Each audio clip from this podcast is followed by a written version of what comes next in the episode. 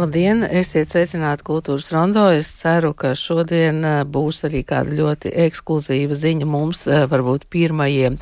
Bet eh, pagaidām ziņa no Purvīšu balvas ekspertiem, kuri izvērtējuši mākslinieku darbus un izstādes no pagājušā gada oktobra līdz um, decembra beigām. Un Purvīša balvai izvirzīti trīs autori - Jānis Šneiders par personāla izstādi dzinējs galerijā Luk, Mare un Rols um, par izstādi Rīgas mākslas tāpā un Iveta Laura par personāla izstādi Viena vasaras diena jeb laižu vaļā sprandu uh, Žaņa Līpkes memoriālā. Dzēnieks Gunārs Saliņš par Veltes sniķeres darba izteiksmī ir teicis, viņas galvenā mīkla ir orfeiska ceļš uz atminējumu, pārlaicīgu vārdu atvari, bet sniķere nirst tajos ar kustībām, kas liek senajiem līmeņiem laikmetīgi trizuļot no prāta pāri alkām un minēšanai uz aizprātu. Šodien tiek atvērts rakstu krājums pieredze un redzējumi dzēniecē veltais neķerēs simts, un šodien mēs studijā tiekamies ar krājumu sastādītājiem, literatūras zinātniekiem Evu Eglāju Kristsaunu un Jāni Ogu. Un atcerēsimies arī kādu ierakstu 2009. gadā Rīgā, kad Veltes Niķeri ciemojās Latvijā un Latvijas radio studijā lasīja savu dzēju. Būs saruna par dzēju un jogu. Mana kolēģi Laima Slava savukārt atgādinās kādu laikmetīgās dejas izrādi Tas ir viss, ko mēs varam, kuru režisors Andrēs Jaravojs veidoja kopā ar četriem kustību māksliniekiem. Šodien studijā Ingvilda Strautman raidījumu veido Santa Lauga valdes raitums Ansis Pavasars un Mārtiņš Paeglis. Sāksim tad ar sarunu par veltu sniķeri.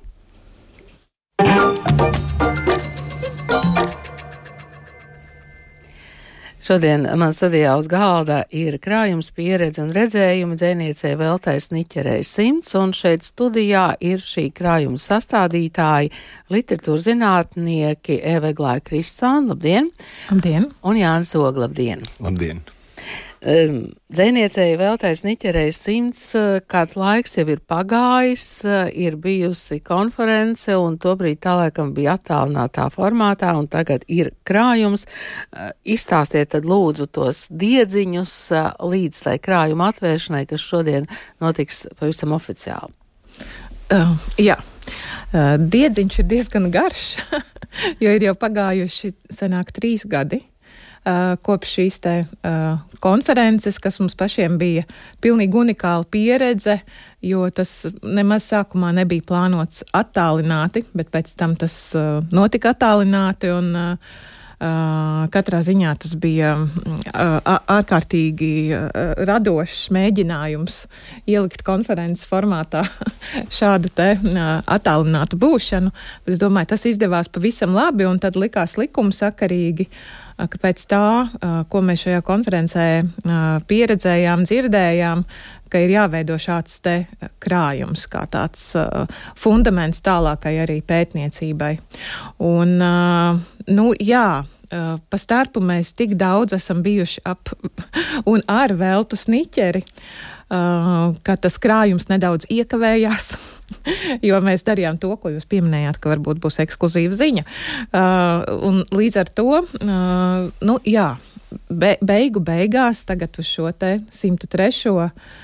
veltes jubileju, tad ir šis krājums pieredze un redzējumi. Tāds man šķiet mazliet neakadēmisks nosaukums, bet e, laikam Veltais Niķerē ļoti piestāv un arī viņas fotografija, kas šeit ir uz vāka, tā tautas tērpā, tas arī viss piestāv viņai, vai ne? Jā, faktiski jau tā jubilejas konference izvērtās par tādu Veltes Niķeres dzīves svinēšanu. Viņa tolaik arī bija kopā ar mums. Uh, Londonā skatījās eh, planšetes ekrānā visu to būšanu, kā viņa arī teica. Tas bija sešas stundas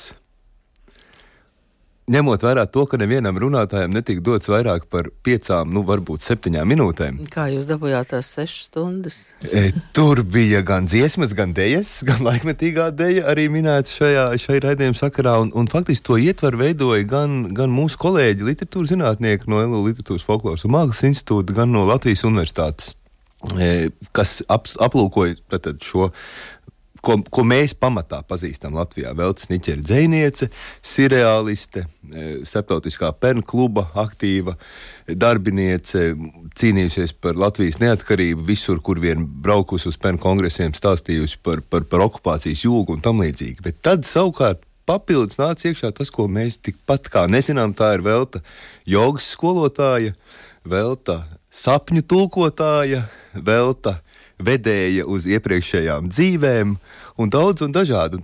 Tā viņu savukārt Londonā un Anglijā pazīst kā, kā šo no tikai no šīs puses, tad dzēniece Velta Sniķer, lai gan viņas dzējoļi arī ir publicēti angliski un, un atsevišķā grāmatiņā faktiski kā, kā, kā literāta nav zināma, bet viņa tur ir, nu, diemžēl atkārtošos, bet tas, tas ir tā, varbūt nezinātājiem būtiski, ka Veltes Niķer vēl piecus gadus pirms Beatles aizbrauca uz Indiju, piedalījās organizācijas Britu Eh, British Wheel of Yoga dibināšanā. Un tikai pēc tam, kad, kad viss šī jogas kustība kļuva ārkārtīgi populāra ne tikai Anglijā, bet visā pasaulē, tad šie, šie svētceļnieki devās uz Ziemeļa Londonu, uz Veltes Niķeras māju, kur viņa kļuva par jogas skolotāju, skolotāju. Tātad ne tikai eh, tā teikt eh, brīva laika piepildījumam, bet, bet jaunas jaunu speciālistu paudzes izglītošanā. Starp citu, tajā mūsu sarunā 2009.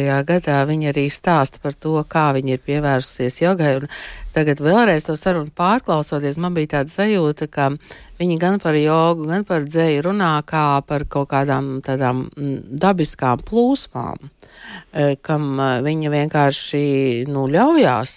Nu, viņa turpat saka, es kaut kur izlasu, ka mani sauc par dzēnieci. Ja? Nu, varbūt tur ir mazliet koķetērija, bet, bet varbūt arī nemaz nav.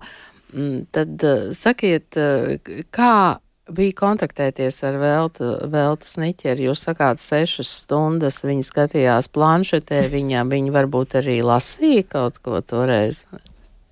Uh, Nē, toreiz mums nebija no viņas uh, nekas, bet man liekas, vēl viens čautne, ko ir vērts pieminēt, ir Velta un ģimene, uh, kas, kas arī ienāca šajā te uh, sešu stundu pasākumā, gan caur māsu, gan caur meitu, gan caur mazbērniem.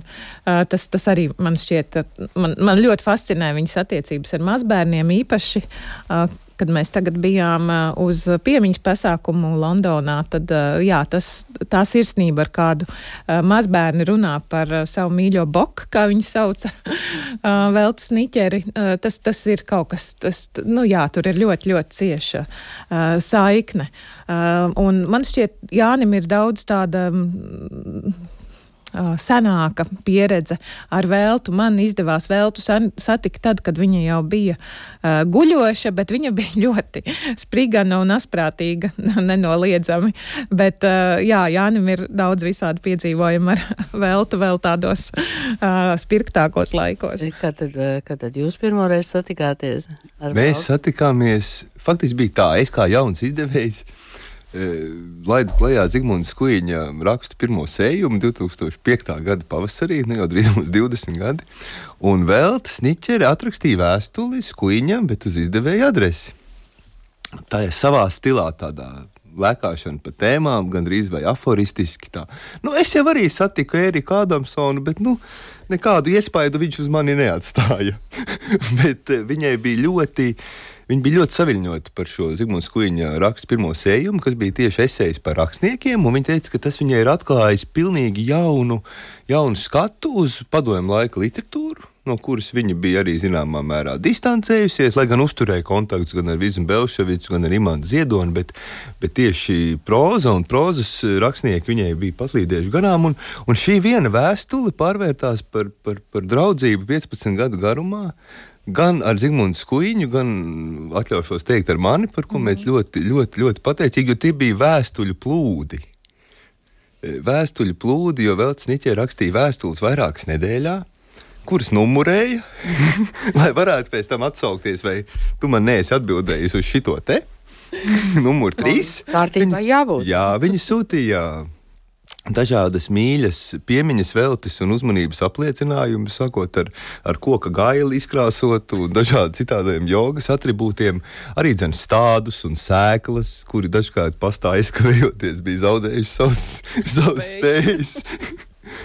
bet, eh, bet arī tikšanās gan Rīgā, gan Londonā bija vienmēr ārkārtīgi, ārkārtīgi interesantas. Un, un, un kamēr, kamēr viņa vēl, vēl varēja, viņa līdz 95 gadu vecumam tiešām brauca uz Rīgu divreiz gadā, viena pati kā ar tramvaju.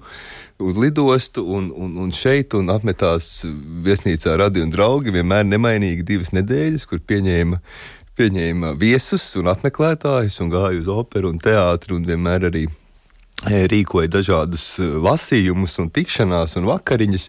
Un, un tikko šīs grāmatas ziņas sakarā Jānis Elsbergs bija brīnišķīgi ierakstījis Facebookā. Varbūt klausītāji kāds ir redzējis. Pēc, atceros, gan mēs ar mammu, tātad visu Belševicu bijām pie, pie Veltes Niķeras Londonā, bet arī pēc tam, kad mammas vairs nebija, bieži notika tā. Zvans telefona vakarā Vēl tas niķere. Labdien, te vēl tas niķere. Jums ar tēvu jābūt manas dzīslas sarīkojumā Rīgas Latviešu biedrībā. Tad, nu tad, visu labu. Un visi. Nekā, viss. Nekādi komentāri netiek, eh, netiek Kā vienmēr vēl te ir ļoti asketiska, sākot ar šādām un beidzot ar dzēju. Man liekas, tas ir unikālākais, tas viņas dzējolis ar diviem vārdiem - abra rūkst. Jā, jā tas 2013. gada, jā, bija jā. Aivars Eipurs gatavoja mazu grāmatiņu, viens dzējolis, kur visi dzīvie latviešu dzinieki piedalījās ar savu dzējoli. Un vēl citi arī ļoti gribēja, bet viņiem nekā nebija tajā brīdī. Tad viņi, atceros, mēs tieši sēdējām Rīgā un teica, nu tad raksti tā, abra rūkst. un viss. un tā arī ir publicēts. Eh, vai jūs varat mazliet ieskicēt, kuri tad ir tie autori, kas šeit ir gan pieredzējis, gan redzējumos? Nu, eh, jūs, protams, esat pieredzējis, jā, bet uh, ir vēl diezgan daudz daudz autoru. Jā, mēģināsim pabien kopā. Nu, es varu es... iedot grāmatu, lai. lai... jā, paldies, paldies. Mm -hmm. uh, jā, tā tad ir arī literatūras zinātniece mūsu kolēģi Inga un Daugsta Silas Proģe, un arī mūsu kolēģi Zita Kārkla un uh, kolēģis Kārlis Vērdiņš un Anita Roškalne.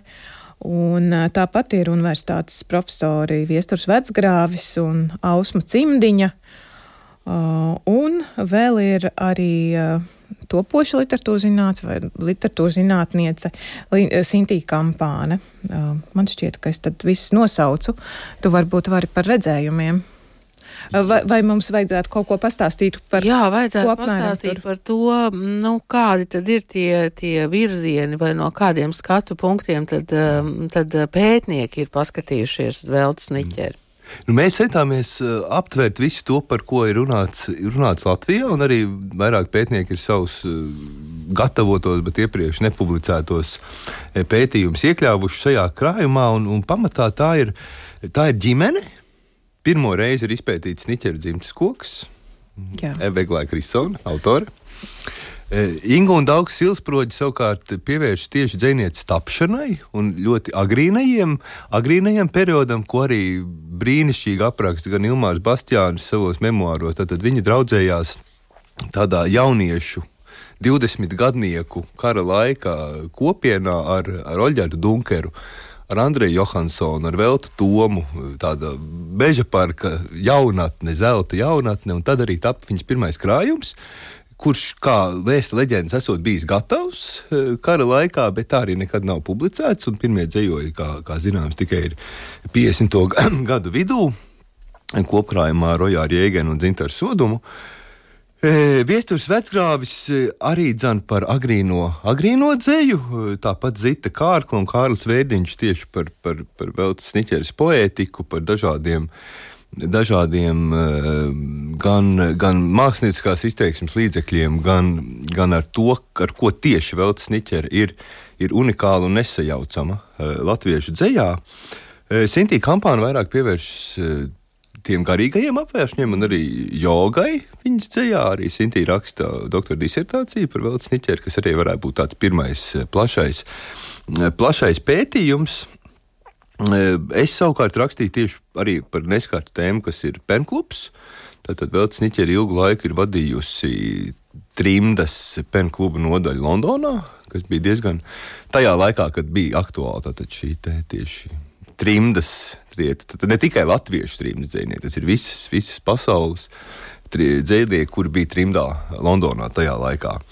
Un, un tāpat arī mūsu, mūsu kolēģis Anita Roškalna un Ausma Cimdiņa, kuras ilgus, ilgu laiku ir gan tuvu pazinušās ar Veltes Niķeri, gan, gan arī dzen, jau rakstījušas iepriekš par, par viņas darbiem. E, Bet tur ir arī dzēja, vai ne? Šajā krājumā. Dzēja parādās sadaļā redzējumi, kas ir savukārt Veltes Niķeres kolēģu, draugu, laika biedru un jaunākās paudzes dzējnieku veltījumi, kuri izskanēja gan Eh, gan eh, konferencē, gan daži rakstīti, rakstīti īpaši. Un, eh, sākot ar minēto Zigmundu Skuiņu, ar fragmentiem no vēstulēm, veltējis Niķerei un, un, un veltījumu jubilejā, un tāpat arī, arī Nora Ikstena un Ingmāra Balode un Inga Gaile gan piedalās ar saviem literārajiem darbiem, gan arī tādas īsām atmiņu skicēm. Uh, Ivars Steinbergs un Kārlis Vērdiņš ir veltījuši īpašs, īpašs uh, dzējojis, īpaši prieks arī par Ivaru, kurš ir saņēmis nu pat Naumaņa, Naumaņa balvu un arī dzen. Šī publikācija kaldina viņa tiešām unikālo, unikālo lomu un spēju skatīties pāri paudzēm. Latviešu literatūrā, un tāpat arī Agris Krūmiņš, kurš ir uzņēmis filmu par veltu, uh, Anglijā maz redzēta, bet aicinu visus nostīties YouTube. To var atrast līdz ar citām filmām. Un visbeidzot, Kristiāna Kusmina, kura tolaik strādāja Rakstniecības un mūzikas muzejā un pārvaldīja mm, Veltes Niķers fondu, vēsta par to, kas atrodas Rakstniecības mūzikas muzejā no Veltes Niķers mantojuma. Bet, uh, Esam pietuvojušies, Esam pietuvojušies mantojumam. Ekskluzīvai informācijai, kas um, šobrīd plašākai auditorijai laikam izskan pirmo reizi. Nu, lūdzu, Eva. uh, uh, nu, jā, jau, jau vēl savas dzīves uh, laikā jau diezgan skaidri zināja, ka, ka viņas mantojumam kaut kur ir jānonāk, un tad šo te droši vien arī uh, ilgstošo draudzīgo saišu ar Jāni un arī droši vien šīs te simtgadas uh, svinību iespaidā, tad uh, uh, šo te mantojumu viņi novēlēja institūtam, un mēs ar Jāni tad arī cītīgi braucām uz Londonu pie Veltes, kad Velta vēl bija, un arī pēc tam, kad Velta jau aizgāja mūžībā, un uh, jā, rakāmies cauri visam, kas tur, nu, tas ir ļoti, ļoti daudz. Beigu beigās uz Latviju ir atbraukušas 76 kastes ar nu, vis, visdažādākajām uh, gan, gan, gan lietām, gan dokumentiem. Uh, vēstules. Vēstules, sapņu pieraksti. Nu, mēs domājam, ka tur ir tāds pētniecības lauks priekšā. Uh, Tagad tikai to vajadzētu tā gudri sakārtot un gudri noreklamēt ne tikai uh, tādā nacionālā līmenī, bet pat starptautiskā domājot arī par šo te jogas ievirzi un arī par šiem jau pieminētajiem sapņu pierakstiem, kas ir angļu valodā absolūti. Tur var traks palikt, jau sākot lasīt. Viņa pierakstīja savus sapņus. Jā, jā savus, visa mūža garumā. Jā. Visa mūža garumā. Jā. Nu, nav daudz, kas nav no agrīnā perioda, Jā. protams. Bet, un daudz ko arī, nu, daudz vai maz, bet, bet ir lietas, kuras vēl Sniķeri ir paguvusi iznīcināt apzināti, gan kad viņa pati vēl, vēl, vēl varēja pārvietoties un, un, un, un, un, un darbojās, gan arī viņas kopēji mums apliecināja, mm -hmm. ka vēl Sniķeri ir vienā brīdī teikusi aizēja, aizēja pie tās kapja, jā. tajā pusē izņemt to. Nu, un, to ir viņai tiesības. Protams, bet bet protams. daudz ir arī palicis, un, un, un vēl tajā brīdī, kad mēs tur ieradāmies, ja nebija nekādu norāžu, tikai ik pa brīdim vēl sniķeri mūs iesauca un prasīja, nu ko tad vēl jūs esat atraduši? un tad jūs tur meklējāt, jā.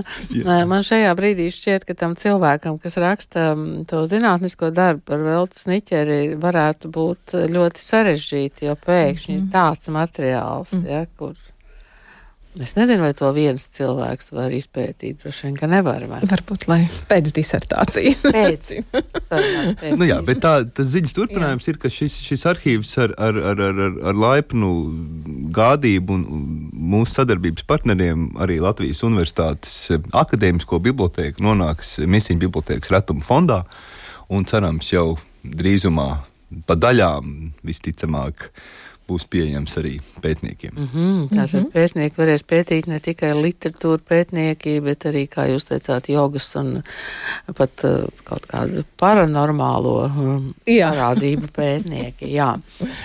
Es vēl gribēju pajautāt par žestiem. Mm, tajā e, intervijā, kad um, Veltes Niķer bija šeit, viņa teica, ka žests ir uh, primitīvāks par vārdu. Uh, Līdz ar to caur žestu var saprotamāk nu, noraidīt vai, vai saprotamāku padarīt dzēju.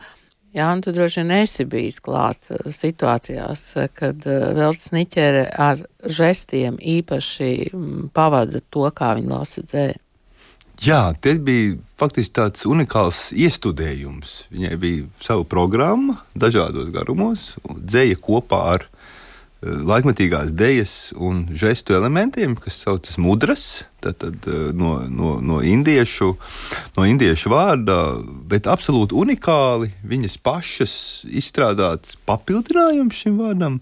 Un, manuprāt, viņa ar šīm kustībām jau izpildot dzēju bija tā saugusi ka es biju klāts, kad viņi ierakstīja klausām grāmatu, radio naba arī 2009. vai 2010. gadā.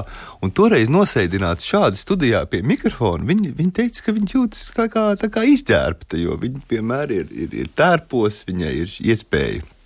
Tātad ar, ar, ar, ar, ar, ar, ar žestiem un kustībām palīdzēt šo dzējoli pār, pārnest. Tad bija arī vairāki, vairāki varianti, kad viņi teica, nē, tas neder, rakstām vēlreiz. Un, un, un tad, tad tā tāda. Tad jums vajadzēja rakstīt video toreiz, vai ne? E, starp citu, brīnišķīgi šie te, šīs mudras ir skatāmas Maruts Jurjānas filmās Podrā bradātāja. Mm -hmm, tā, Arī tas cen, ir ierakstīts. Jā, tā. Nu, tas ir speciāli mm -hmm. filmēts e, jūras krastā. Arī dzen, ir, ir, ir, ir, ir vairāk tādu, jā, bet, bet ir arī vairāk tieši jubilejas sakrā mums bija liels pārsteigums, ka ir saglabājies arī ieraksts no Veltes Niķers pirmā autora vakara rakstnieku savienībā 91. gadā, kur viņi arī jau vēl salīdzinoši jauna. Pēc neatkarības. Jā, kad viņi pirmo reizi atbrauca. 91. Uz... gadā jā. pirmo reizi, jā. jā. Mm -hmm. Jā, man šķiet, ka interesanti ir tas, ka, ka tāda tiešām pāri paudzēm saužas tā, tās, tie redzējumi par, par veltu sniķeri, un, un jūs jau vēl teicāt par tiem mazbērniem. Mazbērni novērtēja to, to, ko, to, ko Veltes Niķeri darīja, saprata, vai, vai vienkārši viņa bija mīļā ome, vai kā jūs viņu nosaucāt? Mm. Droši vien vairāk tas dominēja. Uh, droši vien valodas barjera, kas uh, apgrūtināja saprast to, to dzējas. Un droši vien viņi respektēja viņas aizraušanos ar jogu, bija pat droši vien sajūsmināti, ka ir tāda tik neparasta vecmāmiņa. Jogas klasē tas Jā. savukārt ir Inārs Kolmans neizdotajā filmā ir, ir, ir, ir fragments no Veltes Niķeras jogas klases, kur līdzās mazbērniem piedalās arī Nora Ikstena un, un, un, un viņas ilgadīgie skolnieki. Tas neatklājas. jā, jā, jā, arī man ir bijusi iespēja vienreiz būt Veltes Niķeras jogas klasē. klasē. Diezgan sāpīga pieredze. Nu, es ceru, ka jums šodien nebūs sāpīga pieredze atverot, eh, atverot šo eh, krājumu pieredzi un redzējumu dzēniecei vēltais niķerē simts. Es šodien saku paldies krājumu sastādītājiem, literatūras zinātniekiem Evai Eglāja Kristonē un Jānim Mogam. Un, uh, Tagad um, skanēs fragments no šī 2009. gada Veltes Sniķeres ieraksta šeit Latvijā, Un, lai cik tas nebūtu dīvaini, es viņai tieši jautāju par to, vai viņai nav grūti tā mierīgi sēdēt pie mikrofona un lasīt savu dzēju. Nu, mēs tur runāsim arī par jogu un par dzēju, un, protams, arī par tādu ikdienas rutīnu, bet tas viss būs bezgalīgi interesanti. Sakiet, vai jums bija viegli sēdēt pie mikrofona un lasīt savu dzēju? Nebija grūtības nekādas, ne. ne. Kas par grūtībām vienkārši lasa. Jūs iedomājaties kādu cilvēku, kuram jūs lasījāt, vai jūs lasījāt nē, sev? Nē, vienkārši kontaktējos ar to, kas uzrakstīts. Neko jau es pazīstu, vai ne? Jā, un tad mēģināju tā to pateikt, lai viņš ir loģiski saprotams, vai ne, arī pareizo intuāciju uzsvērumu. Tad, kad jūs eh, runājat savu dzēju publikai, man teica, ka jūs runājat to īpaši, jūs to pavadāt ar īpašām roku kustībām. Jā, jā. To Kā tas bija, jā. Nu, tas sākās tā, kad nu, ilgu laiku atpakaļ, reiz vienos dziesmu svētkos, mudīt ausiņu man draudini. Viņa teica, nu, tev vajadzētu arī rādīt tagad publiski, ne, jo viņa zināja, ka es to varu. Un es domāju, nu, ko es tur ņemšos tā, vai ne? Viņa teica, nē, nē, nē, nu, nu, apdomā, cilvēki braukuši tālus ceļus, maksājuši lielu naudu, lai atbrauktu. Viņiem ir kaut kas jādod. Nu, tā, ja man jādod kaut kas uh, publikai, tad es biju mieru. Tiksim, sevi izrādīties, tas man nelikās tā pievilcīgi, bet jā, ja tas bija jādara priekš cilvēkiem, tad, un tāds iesākās. Rudens impresijas. Neviens nav saņēmis, tik vien kā projām dots. Kur zelta lapa tiek caur vēja pirkstiem slīdot, gar retu aci uzmirdzot un spīdot. Neskādā virspusē uzniris spulgodams, zeltainais vaipsts dārzus abūris pārklādams. Sej sēras, sej un smidzina, šis smaids, kam nevajag pretsmaida. Sāp rudens zemē liekdamies, sāp zelta smaids, sāp tiekdamies pret debes bezgalību. Vai dālijās salīs saule zelts, dzies sarkanu asteru brūcēs. Astra liecas pret zemi, skrej vizošu loku ap dobas malu sudraba spāre. Aizklājies, aizklājies spožum, pārāk rudenīgs košum, bērza zeltainie mati, izirstot plivinās plati, atpeld mākoņu putnu kāsis, skriedams virpuļu virpuļos irst, balti tauriņi apskauj tāsi, vidū pārslām zelta lapas birst. Astra rudens rasu raud, vēji gārds un vaid, nelaikā izēja, neapjaud. Rudens raibums, ziemas zaigums, skaistums nāvīgs, priekam nepiekļāvīgs, nožņaukt draud. Šalcošu vēju aijas, nošūpo sniega kājas no priežu mastiem, aiznesot citiem krastiem. Čauganas putas klājas, pēdas atpakaļ stājas, pārlaustas paijas, gaišilas debesu ēnas, spārnus plivinot lēnas, sauc sudrabā kājas. Ko nozīmē rādīt dzēju? Tas ir ar žestiem, ne? Žesti ir žestu valoda. Piemēram, indiešu filozofijā ir trīs veidi valodas. Ar vārdiem, ar žestiem un ar klusumu. Un man ir tā gadījies, ka man pēc tam, kad viņi ir noklausījušies, man runājam ar žestiem, Viņi saka, es agrāk nesapratu jūs dzēju, bet tagad es saprotu. Jo tie žesti palīdz saprast, jo žesti ir primitīvāk un ne par vārdiem. Un Iet kaut kur dziļākā plāksnē. Kurās valodās jūs rakstat dzēju? Latvijas un angliski. Man ir pāris vāciski un pāris franciski, bet nedaudz. Un atzējojat latviešu dzēju? Jā, es esmu atdevējis no latviešu uz angļu un arī no angļu uz latviešu, no vāciešu. Es esmu pārstulkojis uz latviešu arī, jā. Un dainas, vai dainas ir viegli? Ā, Dainas es pašlaik tulkoju, jā. Nu, atzējoju, faktiski atzējoju. Pēc iespējas tuvāk oriģinālam. Un es pati saku, ka labi vien būs. jā, jā. Jūs domājat, ka jo, jo, nav, jo līdz šim nav viņas pārtulkots mākslinieciski. Ne viņas ir pārtulkots tā savs pēc satura. Bet es viņas atlūkoju tā, lai būtu dzēja, lai būtu dzēja angļu valodā, tādā veidā. Jā. Bet... Es esmu arī tās galvenās jogas organizācijas dibinātājos, jo es ar jogu sāku nodarboties ļoti sen, pusaudzībā. Kā tas notika? Nu, labi, kā tas notika. Man bija kā 13 gadi, un bija tāds Harijs Dikmanis, kas bija aizbraucis uz Indiju un studējis pie slavenās Šivanandas.